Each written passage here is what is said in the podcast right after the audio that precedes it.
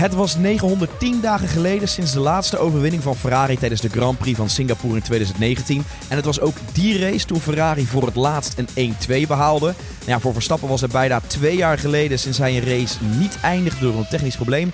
En heren, weten jullie wanneer het de laatste keer was ehm, dat de beide Red Bulls niet de finish haalden tijdens de opening? Uh, nee, gewoon niet tijdens de opening en niet allebei finishten. Dus allebei de Red Bulls eruit lagen. Ai, ai, ai. Was dit Baku die- 2018 heb je natuurlijk gehad. Ja. was, dat Ehm. niet, eh, was dat niet toen niet in eh Budapest? Toen ze eh, in Hongarije tegen elkaar Nee, reden? dus Max is toen negende geworden. Oh, toen heeft hij weer nog wel uitgereden. Oei, Ja. oké. Ja, nee, dan zou ik het niet... eh, nee, ik zou het eigenlijk Eh, niet maar weten. Even kijken.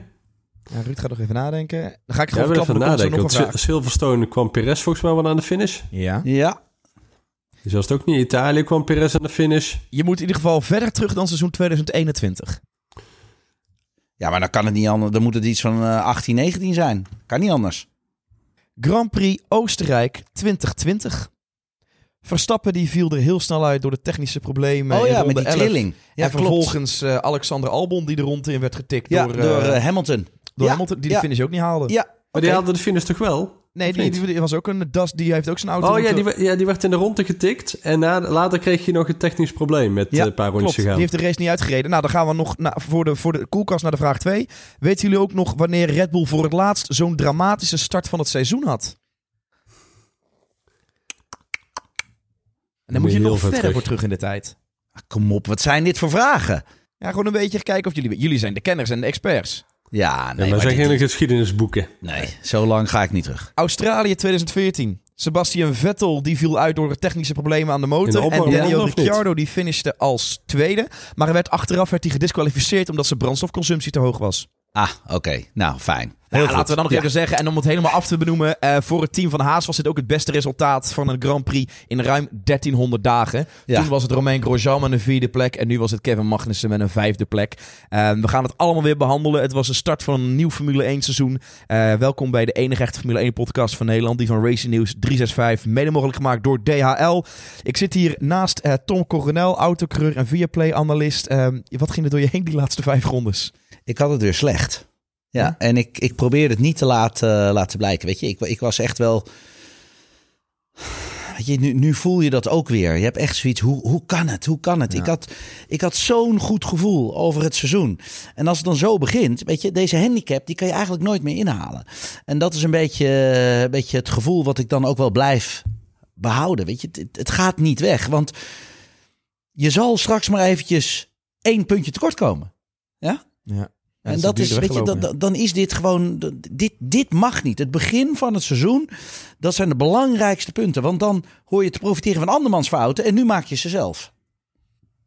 Aan de andere kant, eh, niet bij ons op de bank, maar eh, thuis zit het met corona op de zolder, is eh, Formule 1-kenner Ruud Dimmers. En Ruud, even een korte vraag om je te introduceren. Je mag alleen antwoorden met ja, nee of een beetje. En de stelling luidt, ik ben jaloers op de tattoo van Tom Coronel.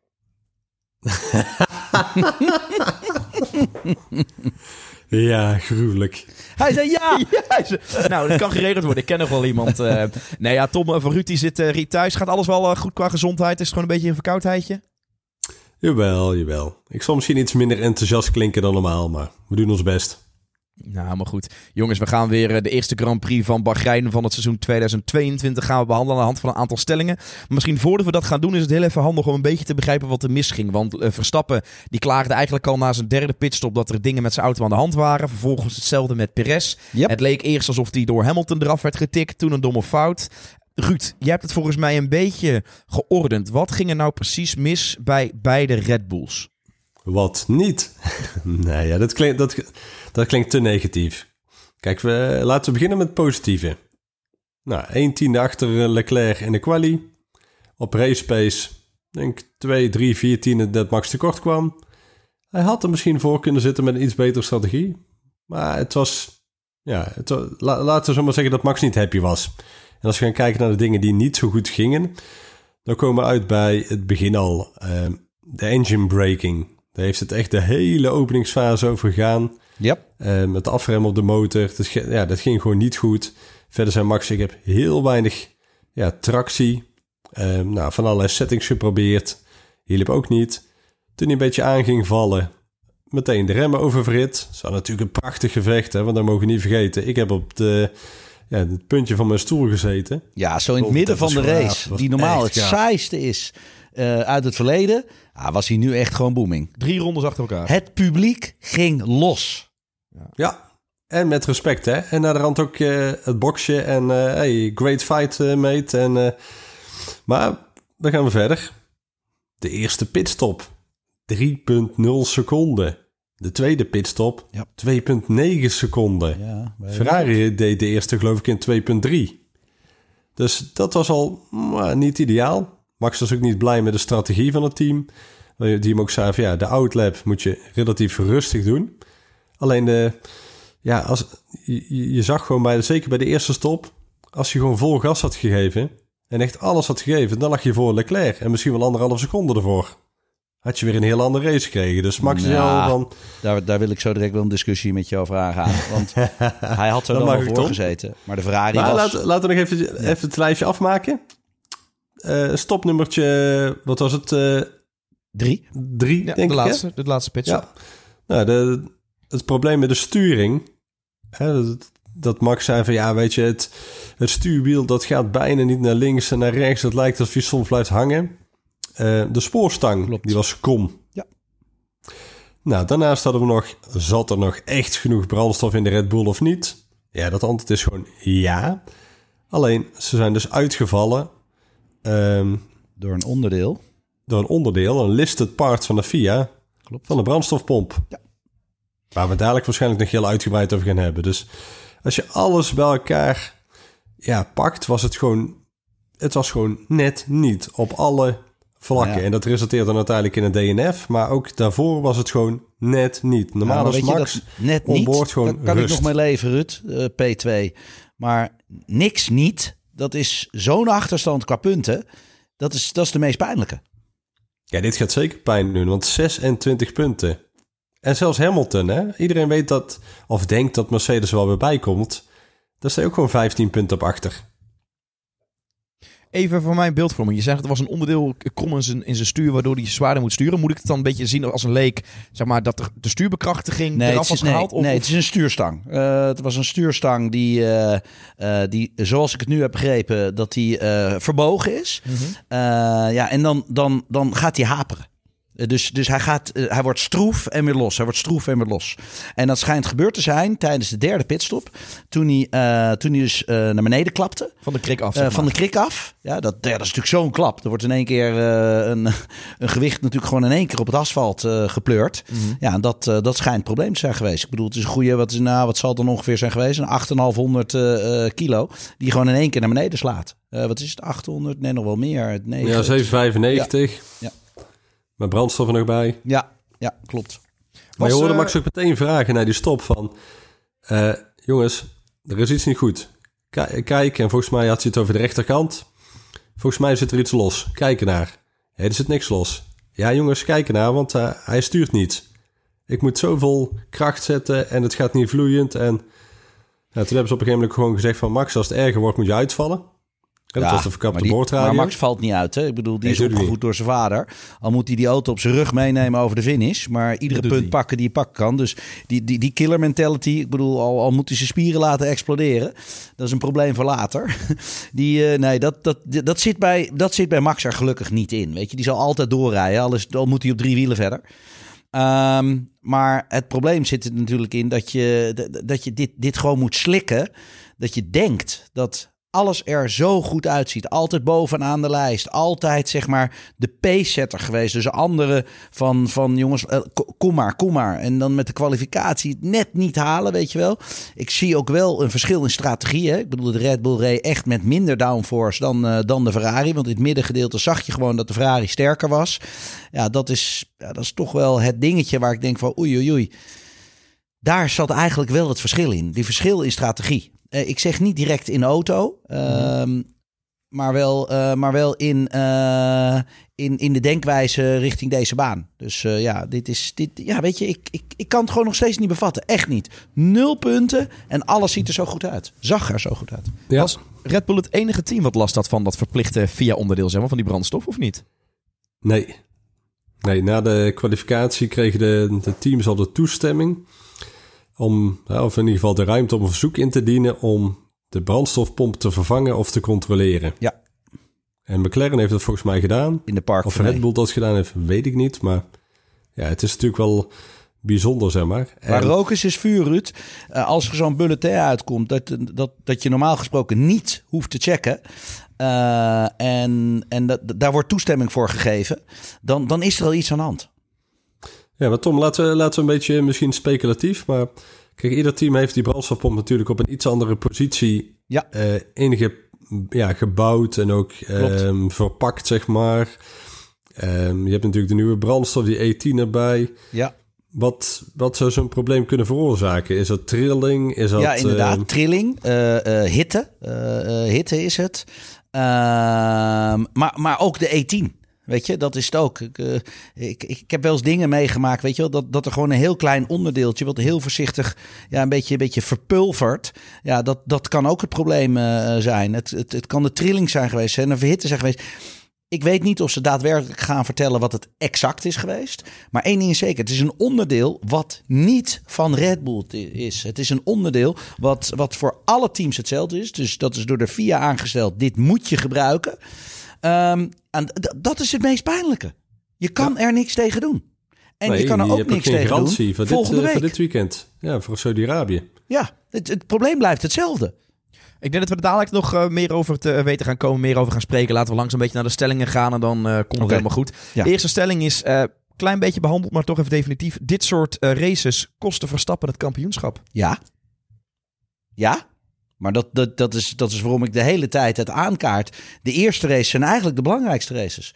Want hier worden de fouten gemaakt. Dus dan kan je profiteren van andermans fouten. Maar nu is het andersom. Ze hebben geprofiteerd van jullie fouten. Of van onze fouten, hoe je het noemen wil. Want ja, ik sta toch wel iets meer aan de kant van, van Max inderdaad. En dan, als je dan zo'n mooi gevecht levert. En alles ziet er goed uit. En je gaat met nul naar huis. Ja, dan, dan is het gewoon de KO op de neus. Ben je het ermee Ja, eens, eh, eens. Ruud? Eens, kijk, normaal gesproken kijk je nog steeds naar Lewis Hamilton als grote favoriet. Nou, ik- ik, Ik Als zou nu ook echt wel naar Leclerc kijken. De auto is goed, hij is slim, hij is handig. Hoe hij de race heeft ingedeeld, hoe hij de, het ook analyseert. Want ja, ik bedoel, ze hebben natuurlijk wel gezien... als je Max achter je hebt, een pleurteam er gewoon naast. Nou, dat hebben we ook iedere keer gezien. Dat maakt Formule 1 gaaf. En natuurlijk, ja, never a dull moment om Max Verstappen heen. Maar dan weet je dus ook hoe je met hem moet gaan vechten. Want je weet gewoon dat hij hot is. Je weet gewoon dat hij hem ernaast gooit. En dan ga je er rekening mee houden. Zoals Leclerc zei... Ik liet hem eigenlijk al voor het detectiepunt. Zorgde ik dat hij voor me zat. Zodat ik dan voor bocht 4 mijn eigen DRS had. Zodat ik hem voorbij kon. En dat deed hij heel slim. Want als je het daar doet. Dan kan je in die midfield. Kan je in het middengedeelte kan je wegrijden. Want daar was de Ferrari gewoon echt een stuk sterker. Ja, tweede Ja, sector, en, ja. en dan heb je Max niet meer in je DRS. Want dat is natuurlijk wel het probleem. Als je Max in je DRS hebt, word je opgevroten. Als hij dicht bij je zit, word je opgevroten. Dus je moet even afstand hebben. Nee, klopt. Alleen wat ik bedoel is van, je weet nou dat Mercedes gewoon heel veel problemen heeft. En die problemen kunnen ze waarschijnlijk wel ergens oplossen. En dan doen ook zij mee. En ja, vorig jaar was Mercedes natuurlijk je grootste concurrent. Daar wil je dan van profiteren op het moment dat ze juist die problemen hebben. Als Max tweede was en Lewis vijfde was, dan pak je gewoon die voorsprong. Ferrari moet nou maar waarmaken dat ze het hele jaar voorin meedoen. Dat is heel lang geleden, hè? Zelfs 2017 en 2018 gaven ze het zelf weg. Ja. Volgende stelling die een beetje op dit aanhaakt. Leclerc was beter dan Verstappen. Nee, ik zie hun. Kijk, Leclerc is niet voor niks de kopman geworden bij Ferrari. Eh, deze twee personen kennen elkaar heel goed uit het verleden. Ze hebben heel veel met elkaar gekart. Wereldkampioenschappen, Europees kampioenschappen, noem het allemaal maar op. Dus ze hebben altijd met elkaar gebatteld. Je ziet die vriendschappelijke band tussen Ja, die twee. ja dus, dus weet je, dat... dat, dat, dat- Ja, soms ook iets minder vriendschappelijk. Ja, maar weet je, kijk, in het begin van het seizoen is, er, is, er, is, er, eh, is, is dat wel aanwezig. Maar gedurende het seizoen, en dat zie je altijd aan het einde van het seizoen, ja, dan is natuurlijk de klapper. En helemaal als ze alle twee vechten om het kampioenschap. Maar dat is, weet je, dat, dat hoort erbij. En dat zijn ze allemaal al gewend. Al, al twintig jaar lang eh, doen ze dit. Wat is het? eh, ja, laat het 15 jaar zijn. Want zo lang kennen ze elkaar al. Weet je, als, als kleine jochies zaten ze te spelen op de kartbaan en tegen elkaar te vechten op de baan.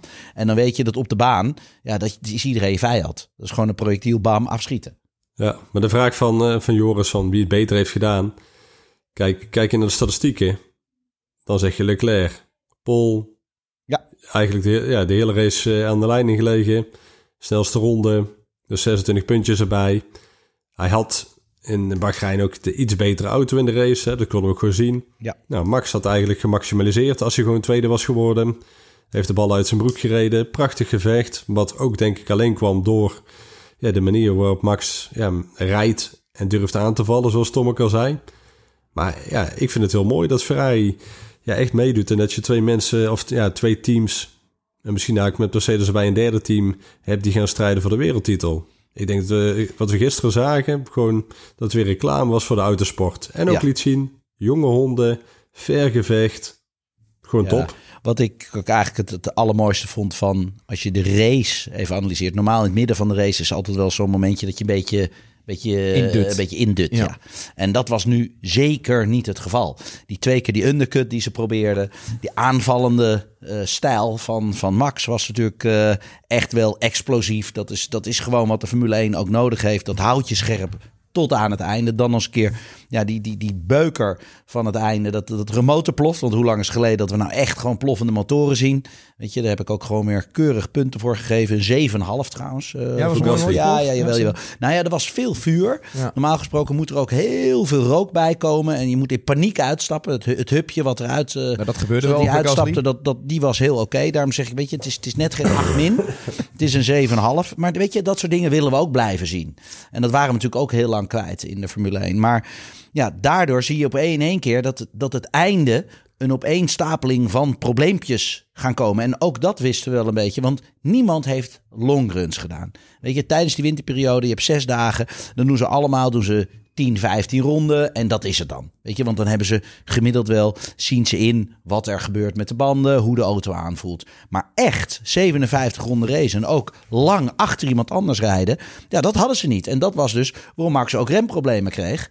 Want ja, dat, dat kan je niet simuleren. Daar heb je een race voor nodig. Ja, en die problemen komen ze nu wel tegen. Maar kijk eens naar McLaren. Oh, wat heeft die zichzelf een serieus, serieus. eh, ja, Nou ja, de volgende stelling, maak hem Oh. maar af. Ik had de Nee. stelling, eh, McLaren is door het ijs gezakt en ze komen ook niet meer boven water. dat klopt. Oei, oei, oei. Ja, nee, dat is een hele goede stelling. Die, die kunnen dit jaar afschrijven. Want zo ver achter, ik bedoel, ze zijn gewoon 2,5 seconden langzamer dan vorig jaar. Eh, Het enige team wat dit jaar sneller is geweest dan een halve seconde, dat is Haas. Eh, anderhalve seconde van Red Bull. Dus ze zijn een seconde kwijt ten opzichte, zeg maar, de topteams. Ehm, en dat is wel kwalijk. Helemaal voor zo'n team. En helemaal het team waar we vorig jaar een mooie lift in zagen. Maar de basis van de derde plek, ook nog op de, met Ferrari eh, voor Ja. de constructeurs. Ja, maar dat, dat, die, is, die is hier gewoon... Weet je, het budget is al uitgegeven. En door die budgetcap kan je niet zulke grote veranderingen meer eh, toepassen. Dus nee, en McLaren kan je gewoon afschrijven dit jaar. Ruud, is Ja. dat een probleem dan voor het eh, komende race, de komende races, het komende seizoen of de komende jaren? Ehm, Qua motor zeg ik komende jaren, Rut.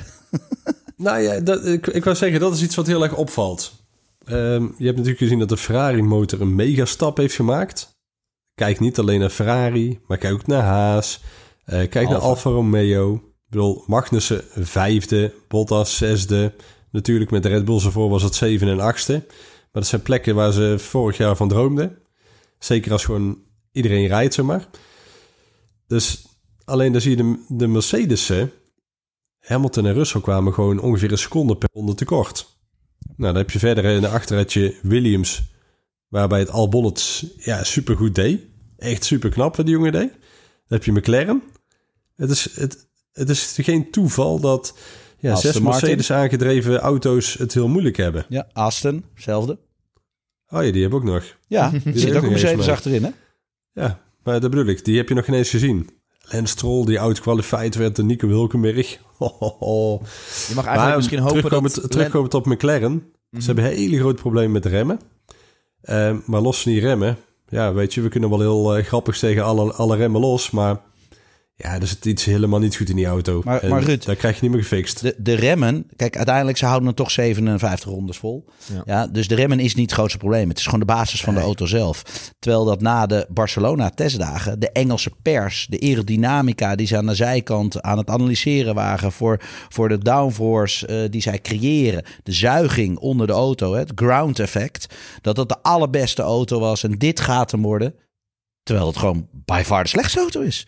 Ik bedoel, ik ken geen team die zo ver naar achter is eh, gevallen. Zal Lennon Norris eh, goede exit-clausules in zijn contract hebben laten opnemen? Ja, dat is wel het probleem. Die heeft een... eh, Die heeft natuurlijk Langer termijn tot, contract. tot natuurlijk ongeveer het einde van de, van Ja. de huidige motorreglementen. ja, ja, dus nee, dat, eh, die, die heeft eh, slapeloze nachten. Dat, eh, dat, eh, dat weet ik zeker. Jongens van de Maar misschien, Joris, Ja, suggestie voor een rubriekje in de podcast. De knallers en tegenvallers. De knallers en tegenvallers. Nou, een korte samenvatting van het rubriekje de knallers en tegenvallers. Ga ik even kijken of ik hem eh, erin Ja, ik wou zeggen, de tegenvallers hebben we net bijna allemaal benoemd. Red Bull, Mercedes had er echt wel Nou ja, zelf tegenviel. Ja, nou, de volgende stelling is inderdaad... eh, Haas gaat komend seizoen nog een podiumplek pakken. Nee, jongens, dat Dit gaat ver. Ik ja, ga hier geen Schumacher, weddenschap eh, Tom? afsluiten. Ook een tegenvallertje. Maar Hoe, ga je wel of geen weddenschap nee, afsluiten? nee, ik Oh, ga hier geen weddenschap afsluiten. Want dan weet je, dan gaan weer de lucky shots gaan natuurlijk weer komen. Zoals eh de Turkije, een, keer mijn, een eh, Monza of zo. Ferrari-tattoetje. Maar, ehm, maar eh, weet je, het is wel heel gaaf om te zien. Want het is eigenlijk gewoon een familieteam. Hè? Want ik bedoel, er staat heel groot Haas op. Om, omdat meneer Haas het gewoon allemaal zelf betaalt. Het is geen team wat groots op marketing drijft. Wat grote sponsors heeft. Wat, wat, wat grote namen rijders heeft. Dan heb ik het eventjes over een Aston Martin. Weet je wel, een groot merk en een Vettel erbij. En dat soort dingen. Nee, het, ik vind het een mooi, mooi team. En helemaal met Gunther Steiner. Zoals we die op Netflix altijd tekeer zien gaan. Wat een En held is dat, hè? oprechte eerlijkheid heb. Dit noem ik nou echt een familieteam die het verdient om een hele grote sponsor te krijgen. Ja? En dan heb ik het niet over de sponsoring van Tricorp Workwear, wat hier gewoon het Brabant ook meedoet. Natuurlijk machtig mooi dat, eh, dat, dat, dat zij zo zijn ingestapt. Het is ook een sponsor voor mij. Ja, dat is ook waarom ik hem noem. Maar ik vind ook gaaf dat zij de ballen hebben. Eh, ik, ik, ik ken de eigenaar heel goed en die zei gewoon in één keer... ja, nee, ik, eh, ik ga ook een Formule 1 team sponsoren. Zo, zo, zo zei hij het ook tegen mij. Ja, dan, dan ga ik gewoon helemaal gestrekt. Dat ik denk van, hè? Wa- wa- wa- waarom bel je niet even? Of, of, of eh, heb je geen support nog? Nee, nee, nee. Die, hij doet het gewoon. En dat, dat vind ik wel het ondernemersinstinct. eh, wat je in Brabant heel veel ziet. En dan ook nog eens een keer een, een, een Nederlander die, die dat gewoon doet uit passie voor de sport. Omdat natuurlijk Formule 1 heel groot is in Nederland. Ja, ik vind dat... Ja, ik hij valt met zijn neus in de boter.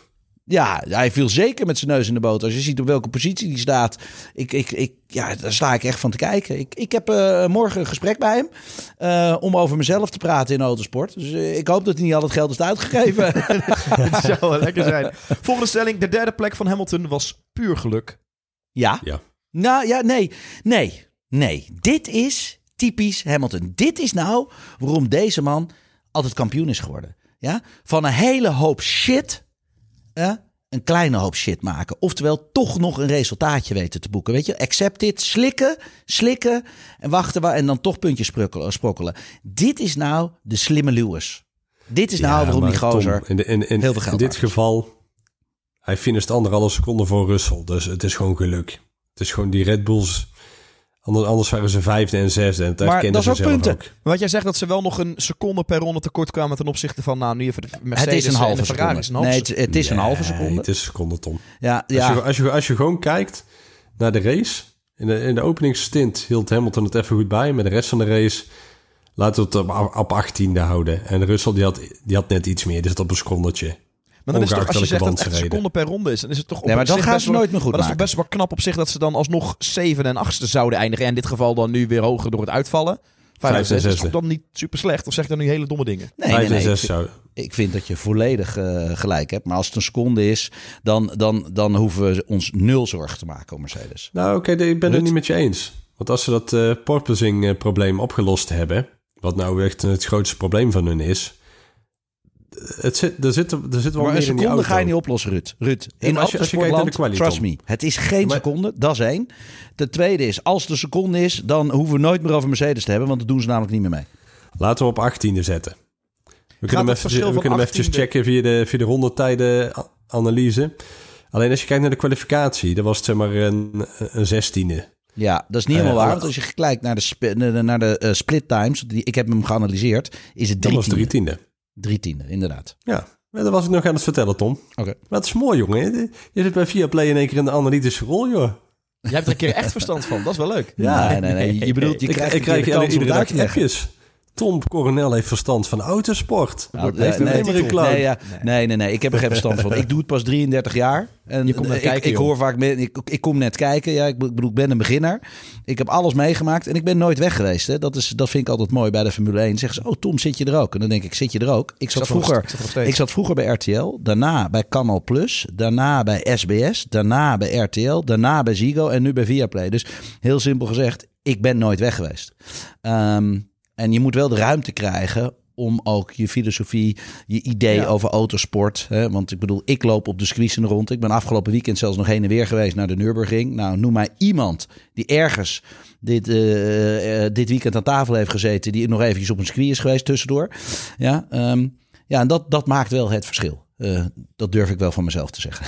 Ja, en ik denk terecht. Laten we nog één stelling doen voordat we naar de vragenronde gaan. Toto Wolf had gewild dat hij Valtteri Bottas niet had laten gaan. Nee, hij moest hem laten gaan. Hij, hij had zijn pupil, want dat is het natuurlijk. Hij doet het eh, management ook van, eh, van George Russell. Eh, die heeft hij al zo vaak beloofd om, als hij klaar was voor het zitje... en dat was hij eigenlijk al een jaar geleden ook al... om hem dat zitje te geven. Want hij verdient het ook. En daar, weet je, als Lewis ermee ophoudt... dan heeft hij ook een nieuw jong talent nodig. Dus ja, dit was wel het moment om hem ook in te zetten. En dat heeft hij heel goed gedaan, terecht. Ik vind dat Russell het heel goed heeft gedaan. Kwalificatie, oké, de laatste run nam hij iets te veel risico. Maar ja, het was ook een, een everything or nothing, do or die eh, ronde. En dat moest hij ook doen, want uiteindelijk als hij achter Lewis staat, dan is, het, eh, ja, dan is het normaal. Maar als hij ervoor staat, dan heeft hij wat laten zien. Dus ja, die P9, toen ik hem daar zag staan, toen dacht je, joh, eh, who cares? Ik weet toch dat hij naar voren rijdt en dat hij vijfde of zesde wordt. Nou, dat heeft hij nu ook laten zien. Dus eh, nee hoor, ik, eh, ik vind dat hij het zitje verdiend heeft. Was je onder de indruk van Bottas bij Alfa Romeo, eh, Ruud? Ja, een goede, goede kwalificatie. Mega poepstart. En uiteindelijk een mooie inhaalrace. En een klein beetje geluk volgens mij met de safety car. Yep. Of de virtual safety car. Dat hij daardoor weer wat plekjes pakte. Maar ja, hij, heeft, hij, heeft, hij is geknokt en zichzelf laten zien. En dat eh, is alleen maar mooi. die En, hij weet ook dat hij bij Alfa Romeo, net als Kevin Magnussen bij Haas, nu de puntjes moet pakken. Wat Tom al zegt, nu moet je profiteren van de fouten en het uitvallen van anderen. Ja, Heeft goed is- gedaan. En Bottas natuurlijk een hoop ervaring wat je meeneemt. Hè? Want wat, wat ging er natuurlijk fout bij het team van Alfa Romeo was natuurlijk, weet je, de, de rijders net, weet je, ja, sorry dat ik het zeg, Kimi, een schat van een man. Maar het gaat natuurlijk ook om de motivatie. En ik, ik mis hem ook in de Formule 1, want eh, zijn quotes, zijn, zijn stijl, ik bedoel, het was echt een karakter die, eh, die, die je nu mist. Maar een Bottas komt uit een wereldkampioenteam. Ja? En al die jaren, die ervaring neemt hij wel mee. Ehm, en als landgenoot van, hè, eh, zal het misschien bij Kimi extra, extra pijn doen. Maar aan de andere kant, Kimi was klaar. Kimi, Kimi was oké. Wij gaan naar de DHL-vragenronde, waarbij racefans de kans krijgen om een vraag te stellen voor in de podcast. Dat kan via een artikel wat ons, op onze website staat. Vaak komt dat dan de zondag van de race, eh, ja, of gewoon de zondag als er een race aan zit te komen, komt het online. Eh, nou ja, de DHL, mijn DHL, zo, de Mijn DHL-app, zo moet ik het zeggen. Die kun je downloaden, want dan haal je eigenlijk gewoon een klein beetje je cockpit in huis. Dood eenvoudige features voor het ontvangen en versturen van je pakketje. De ideale lijn naar je bezorging door je zelf gekozen plek en tijd. En je kan je boordradio instellen door push-notificaties aan en uit te zetten. En de eerste vraag komt van eh, Carlos Leclerc Ricciardo. Die Zo. zegt, Tom, jij stelde laatst een vraag bij Viaplay aan iemand. En die wil ik graag aan jou stellen. Juist. En jij stelde de vraag, zou je liever de tweede rijder zijn in een topteam of de ster van een middenmotor? Nee, nee dat is, eh, daar ben ik heel duidelijk in de tweede rijder van een topteam. Ehm, want dat ben ik namelijk zelf ook een beetje. Eh, en daar bedoel ik mee aan te geven. Ik ben een subtopper. Ik ben geen topper. Dat weet ik ook van mezelf. Maar het gaat uiteindelijk om het eindresultaat. Dus je kan beter tweede worden in de Mercedes eh, dan voor je teamgenoot finishen op plek, wat is het, eh, 17 eh, eh, in een McLaren. Ja, dat, dat, dat vind ik niet interessant. En die stijl heb ik ook zelf ook altijd toegepast. Zorg in ieder geval dat je het beste materiaal hebt, want dan ligt het daar niet aan. Weet je, het kan beter aan jezelf liggen dan aan het materiaal. Dus ja, dit is eh, voor mij heel duidelijk. Tweede man bij een topteam is eh, beter dan eh, de topman zijn bij een eh, B- of C-team. Ruud, zou jij Ik, ook in de schaduw dan van de topper willen staan of zou je toch zelf de shine willen pakken? Staat hij de hele leven al, toch? Ik ga alleen maar voor de hoogste plek, Tom. Heel goed, ik begrijp je. Vraag Nou, van Wouter. Kunnen de problemen van Mercedes erop duiden dat de nieuwe brandstof niet goed werkt voor die motor? Want alle Mercedes motoren reden achteraan. Ja, nou, Tuurlijk, brandstof is, is een hele belangrijke factor. Hoe die, hoe die de explosie is natuurlijk om de kracht naar buiten te brengen, is van de E5 uh, naar E10 uh, brandstof, is, is best wel een dingetje. Uh, voor de motorbouwers. Hè. De temperatuur, uh, de verbranding, het vermogen wat er natuurlijk uitkomt. Dat, ja, dat, is gewoon iets speciaals. En dan zie je dat daar Ferrari mega stappen in heeft, heeft gemaakt. Hè. Die heeft echt wel daarover nagedacht. En ze kunnen dat nu niet meer veranderen. Want de motoren vanaf 1 maart ja, zijn dit de motoren. De motoren kan je nagenoeg niks meer aan veranderen tot 2026. Um, er zitten nog twee dingetjes. Het management, het motormanagement, dus de mapping. Die mag je één keer mag je die veranderen. En op het moment dat die veranderd is, staat die ook vast. En die mag je veranderen tot 1 september. Dus ja, ik denk dat de mensen gewoon vanaf 1 maart nog een beetje aan het kijken zijn, fine-tunen. En dat ze het net voor 1 september zeggen, nou dit is hem. Mm -hmm. Want als je hem nu al verandert, dan is dat hem. Ja. En uh, de, MG, uh, de MGUK, dat is natuurlijk ook nog een dingetje. De, de battery package, die extra 160 pk. Daar mogen ze ook tot 1 september nog uh, één, één veranderingen maken. En ja, de motor zelf, daar kun je nu niks meer aan doen. Dus Ferrari heeft het top voor elkaar. De toekomst van Ferrari ziet er aankomende jaren gewoon mega goed uit. En voor Mercedes dus niet goed, want die was altijd het, het allerbeste. Maar Tom, wat ze nog wel kunnen doen, is ze kunnen nog wel het brandstofmengsel laten optimaliseren door de brandstofleverancier. Ja. ja. Dus dat, dat is nog wel iets wat je kunt doen. genoemd. Ja. Dus dat, uh... Ja, maar nog steeds uh, heb, je, heb je de E10. Ik bedoel, die, die, die 10% ethanol, die, die blijf je houden. Ja. En dat is, ja, dat is best wel een grote verandering, ook, ook voor de motorbouwers. Ja. Ruud, volgende vraag is voor jou, van David Verdonk. Moeten wij ons zorgen maken over de Red Bull motor de komende races door de betrouwbaarheid? Nee. Nee, Weet je waarom? wel, Ruud, Ruud Coronel. Ruud Coronel. Dag, moet er niet aan De denken. volgende vraag is voor Ruud. Oh, sorry. Ruud, vertel. Nee, dat, uh, nee de, ja, de, de motor zelf niet. Alleen het is wel even de vraag van hoe het uh, met vier onderdeeltje van de brandstofpomp gaat. Of ze dat meteen opgelost krijgen of niet. Het zou, ja, het zou bijna belachelijk zijn als je door ja, een standaard onderdeeltje wat buiten, jou, ja, buiten jouw macht ligt, uit gaat vallen. Dus ja, ik, ik hoop dat het heel snel opgelost is en dat, een, uh, dat het eenmalig iets was. Maar ik hoor nog een beetje vertwijfeling. Want nou ja, volgende week is er dus, gewoon de dus race. Dus eigenlijk helemaal niet zeker. Als, het je, nou ja, als, je eigen, als je eigen product is, dan, dan, dan, dan kun je het zelf ja, aanpassen en doen. En nu zal, de, nu zal Red Bull bij de FIA ook wel aankloppen als ze weten wat het is. Zo van jongens, we willen daar een, een andere specificatie van. Of we willen het vaker kunnen vervangen. Of... Ja, hoe gaat het dan bij de andere teams? Hè? Dit is het, hier moet je het mee doen. Dat is uiteindelijk wat het reglement het zegt. En als de andere niet het probleem hebben en jij wel, ja, zeg het dan maar. Ja, dat, dat, is, natuurlijk, dat is natuurlijk nu de vraag. Hè? Waarom beide Red Bulls? Ja, we gaan er misschien binnenkort achter komen. Ik denk dat ze, we, zijn de, we hebben een groot onderzoek ingesteld. De auto wordt helemaal binnenstebuiten gekeerd ja, voordat hij uh, die is al binnenstebuiten uh, gekeerd. Gisteravond lag hij al helemaal uit elkaar. Als zaten ze al volledig in de tank natuurlijk. Um, en waar rook is, is vuur.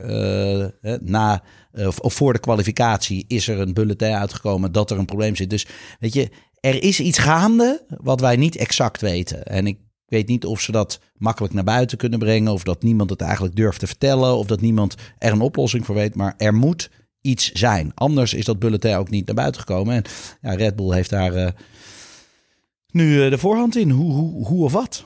Ja, maar ik, ik, ik zou het heel kwalijk vinden als door zo'n standaard onderdeel... bijvoorbeeld de volgende race de beide Ferraris of de beide Mercedes uitvallen. Ja. En dat je iedere keer zo zit zo ja. van... ja, wie gaat er nou weer uitvallen door Geluk het onderdeel? Moet je hebben. Of het is echt een Red Bull aangelegenheid. Hè, door de, de positie, de methode waarop zij het hebben ingebouwd. Dat ze ook kunnen. Ja, dan, dan gaan we er ook heel snel achter komen, denk ik.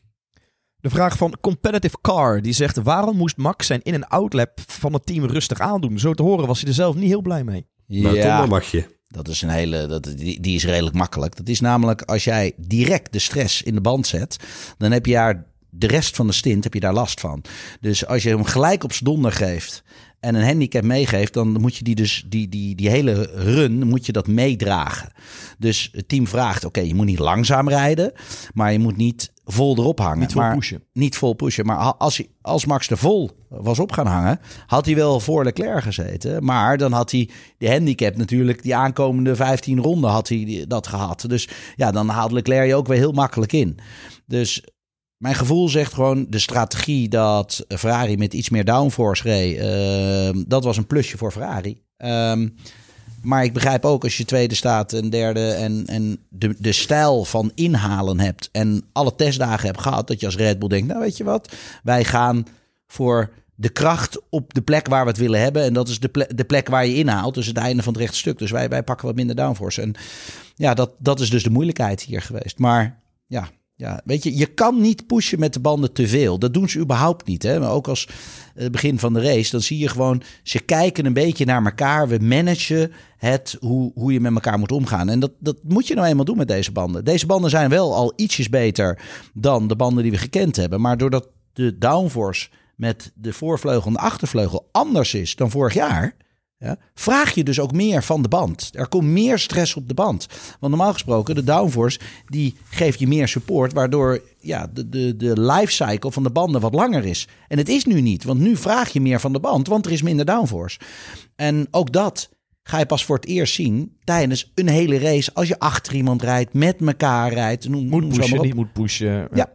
Ja. En wat je zegt, ehm, als je hem meteen zou pushen, dan heb je een handicap. En wat voor handy is er? Je hebt snelle Nou, je- blaren, je- kan je- minder je- mee. geeft die band eh, gelijk op zijn donder. Dus, dus gelijk vraag je zoveel van die band dat, dat, dat, die, dat die het verbruik, dat, dat de piek eruit is. Dat, dat, dat, je, dat je niet meer, eh, wij noemen dat eh, keep them alive. Ja, dat je leven in de band houdt. Dan nog één eh, korte vraag. We hebben hem al een klein beetje behandeld, maar we kunnen nog even samenvatten. Bullsnake. Hadden jullie verwacht dat Mercedes er zo slecht voor zou staan? En hoe lang gaan ze daar nog problemen van ondervinden?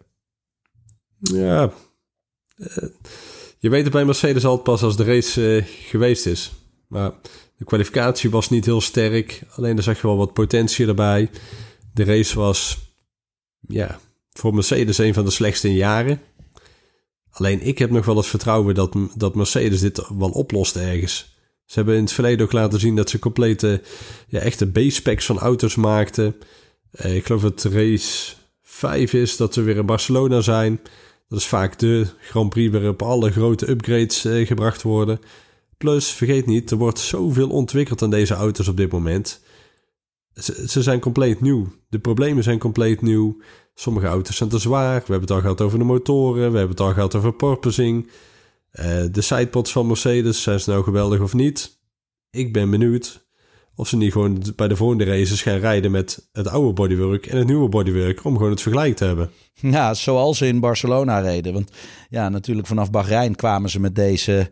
Wauw. eh, ja, je- De horizontale sidepods, de, Ja. de vleugeltjes. Geen eh, sidepods. Eh, ja. dat, eh, dat, dat was de grote verandering. Dus uiteindelijk ze hebben drie dagen getest met sidepods en drie dagen getest zonder de sidepods. En normaal heeft een team natuurlijk zes dagen getest. Dus de helft zijn ze eigenlijk door hun verandering of niet willen laten zien wat ze hebben. Ja, Ja. eh, hebben, ze, hebben ze daar wel eh tracktime verloren. Maar dat mogen ze Ja, dus en in, mogen Bak Bahrein kiezen. zijn ze al volle bak bezig geweest met testen. hè. Ze hebben de rijhoogte hebben ze aangepast, hebben gespeeld met een voorvleugel. Ze hebben twee verschillende type vloeren hebben ze gebruikt. Eh, voor, de, voor de fans die het leuk vinden om een stukje techniek te lezen. Even naar race nieuws gaan. Er zat eh, gisteren een item over het hele ja, Mercedes-stuk. Ja. Waarom Mercedes ook tijdens de race problemen zou hebben. Is ook uitgekomen uiteindelijk. Maar, dus je ziet wel dat ze gewoon volop al bezig zijn. Ehm, als we het nog hebben over gewicht en andere dingen. De Red Bull die is naar verluid ja, 7 tot 10 kilo zwaarder dan de Ferrari. Nou, dat is drie viertiende per ronde. Plus, het eh, is een handicap qua afstelling wat je hebt. Het kan meer zorgen voor wat meer bandenslijtage. Het is allemaal een soort van suboptimaal. En ook Red Bull heeft voor de komende races ook weer lichtere onderdelen om dat gat te gaan dichten. Alleen 10 kilo is veel. Te veel. Dat, dat had niet gemogen. Als je dan 10 kilo, even de, weer de kwalificatie bij pakken, 10, 15 kilo zwaarder bent en je zit er maar 1 tiende achter. Ja, Dan Ja, als je dat had gewicht er, kan had je, er, had je ervoor moeten kunnen zitten. Ja, Ja, en het gewicht tijdens de race is natuurlijk pijnlijker dan tijdens de kwalificatie. Want dat, dat zijn natuurlijk de longruns. Hè. Je Ja. vraagt meer van alles.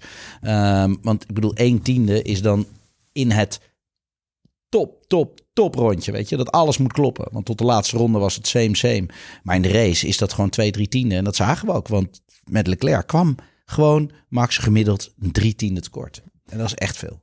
Jongens, de podcast tikt al bijna de 40 minuten aan. We moeten nog zoveel doen, want ja, je zou het bijna vergeten. Maar volgend weekend wordt er gewoon weer geraced. De tweede Ja. editie en de tweede ronde van eh, de kalender, de Grand Prix van Jeddah. Laten we even heel kort wat stellingen erbij pakken. Dan moeten we ook nog gaan voorspellen, want het is jongens zoveel te doen. De laatste kwalificatieronde van Verstappen van vorig jaar zal nog door zijn hoofd spoken. Zeker. Zeker. Als die op die bocht aankomt, wel ja. Zeg maar, de- waarbij het, ja, hij, ja, hij verpestte dat- het eigenlijk in de makkelijkste bocht van het circuit, zou je het kunnen zeggen. Ja, eens. Hij dook daar net even wat te hard in. Eh, ik zie wel, dat is, dat is ook de stijl. Want na de analyse van gisteren zag ik heel duidelijk dat Max meer de bochten aanvalt. Mhm. Maar ehm, ja, ja, die, die, die fout maakt hij niet nog een keer. Nee. Zal het echt ook zijn hoofd spoken als je daar een vrije training één of de eerste nee. twee keer langs rijdt? Nee, nee, nee, nee, nee, nee. Deze jongen, die, eh, dit, is- dit is een, ge- een geboren racer. Denk jij eh, hetzelfde erover, Ruud? Nou, het kan wel zijn dat hij weer zo'n rondje nodig heeft voor de pol. Want ik verwacht een ijzersterk Ferrari. Als je kijkt naar de motoren van Ferrari, de auto van Ferrari op dit moment. Ja. De Red Bull die net wat minder lijkt te zijn. Ja, je hebt het over een high-speed circuit. Dus het is een stratencircuitje. Of ja, een kunstmatig stratencircuitje. Alleen, ja, met risico nemen kun je er heel veel winnen. En zeker over één ronde. Dus ik ben heel erg benieuwd. Denken jullie dat eh, de coureurs die hier nog niet gereden hebben in het echt vorig jaar, nou een Albon bijvoorbeeld, ja, die was natuurlijk eh, testcoureur, dus die heeft het op de sim gereden. Magnussen. Magnussen en uh, Guan Yu, van, eh, die hebben er natuurlijk nog niet gereden. Gaan die dit weekend meer problemen ervaren dan de coureurs die vorig jaar geweest Nou, je zijn? hebt altijd een handicap. Dit is wel type baan.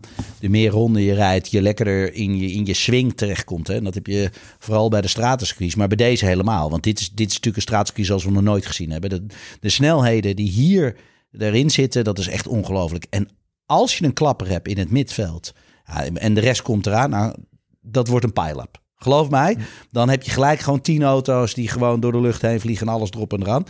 Ik hoop dat we het niet gaan meemaken. Maar als in het snelle gedeelte iemand net eventjes een muurtje raakt en dan breekt iets af. En je hebt in één keer drie wielen. Ja, dan, dan, dan ben je gewoon een pingpongbal. Dan ben je, ben je gewoon een, een, een flipperkast. Want je gaat gewoon langs tik-tak, tik-tak, rechts, links, rechts, links eh, de muur in. En de rest klapt erop. natuurlijk. eigenlijk gebeurt Want je ziet niks, hè? Ja, maar eigenlijk vorig jaar tijdens de Grand Prix ook van Jeddah gebeurde er... Ja, er was natuurlijk een hele spannende race. Natuurlijk Verstappen, of Hamilton die op Verstappen klapte. Je had natuurlijk Mazepin die iemand aanbod. Maar voor de rest, als je kijkt naar de Formule 2 en 3... daar waren echt serieuze klappers en rode vlaggen. Maar Ja, het viel. Schumacher hebben gehad. Wat zeg je? Mick. Mick Ja, Schumacher. maar Schumacher was dan echt de enige echte goede klapper. En volgens mij in de kwalificatie ging één keer nog eh, Sainz of Leclerc ging eraf. Maar die stond Ja. precies op tijd nog stil. Ja, maar het zijn professionals, hè?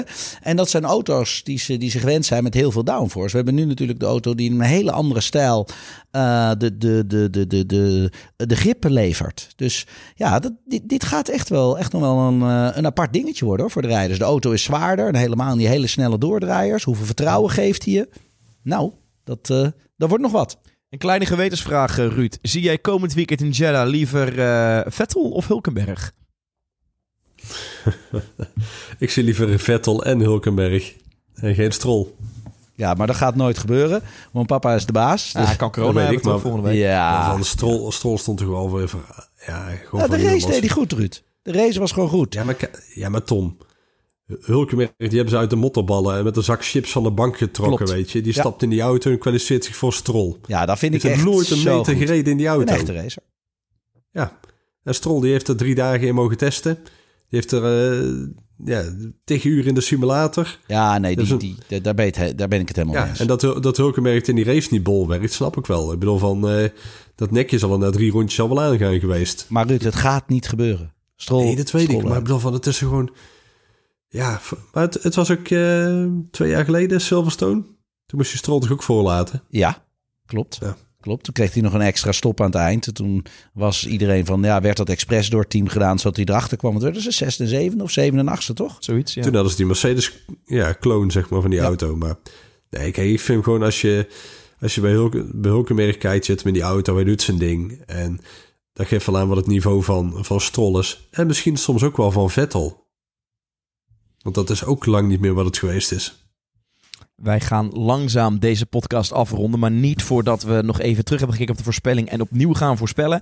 Ehm, handig om even te weten, binnenkort vanaf april eh, gaan we inderdaad ook echt voorspellen. Dan is het echt Team Tom tegen Team Ruud. Dan gaan we ook ja, met, met geld eh, spelen. Krijgen jullie eh, bedragen, kunnen jullie verdienen hoe dat zit, krijgen jullie binnenkort te horen. En Ja. aan het einde van het seizoen mag de winnaar dat geld storten aan een goed doel. Daar komen we binnenkort meer informatie. Maar voor nu, ik heb jullie beloofd dat ik met een nieuw puntensysteem zou komen voor het voorspellen wat we hier doen. Er moest even iets meer eh, lijn in komen. Nou, ik heb daar drie nachten over gedaan. We voorspellen eigenlijk drie dingen. Ja. We voorspellen de raceuitslag, de top drie, pole position en een vaak aparte vraag en die is vaak wat moeilijker. Wat ik heb besloten. ehm pole position, als je die goed hebt, krijg je twee punten. De moeilijke vraag, die iedere week anders is, levert je vijf punten op. Dan de top drie. Heb je de racewinnaar goed, krijg je vijf punten. Heb je de nummer twee goed, krijg je drie punten. Heb je nummer drie goed, krijg je één punt. Oké. Beetje het principe zoals in de, in de Formule 1. Ja. Ehm, Ruud, vragen? Nou hoor. Oké, top. Heb, hebben een VAR. Ja, ja, ja, we hebben een... va- Nou ja, het mooie is, dit is een podcast. Dit wordt opgenomen. Dus je kan het gewoon terugluisteren. Mocht het niet goed zijn, geef me op mijn donder en dan gaan we het rectificeren. Ehm, en het is leuk. wat- had Max Verstappen? Eh, Even rectificatie. Wat zeg je? Hoeveel teamgenoten heeft Max Verstappen gehad? Vijf. Bij de vorige quiz ging het al helemaal mis. Ja. Toen je zei dat het er zeven waren. Ja, toen had ik een foutje van eh, vijf. een website vandaan gehaald. Max Verstappen Ja, heeft dus vijf drie punten gehad. voorsprong van mij nou. Dank je. Jongens, Vijf, was gaan terugblikken vraag. op de voorspelling die jullie vorige week hebben gedaan. Jullie hebben vorige week namelijk voorspeld de top 3 van de race, de eh pole position en jullie hadden voorspeld hoeveel uitvallers er zouden zijn. Jam. Ehm, zal ik bij jou beginnen, Tom? Ja, is goed. Jij hebt in totaal nul punten gehaald. Ja, ik weet het. Ja, en hij lacht. Ruud, jij hebt in totaal nul punten gehaald. Dus ja, waar er eigenlijk... Wat, eh, wat, wat, had- wat hadden we voorspeld? Max, Max en Max? Nou, ik, kan, ik, Nee, pak, Max, Sainz, Leclerc volgens mij. ik pak hem even. Ik heb hier een mooi mijn documentje erbij. Even kijken.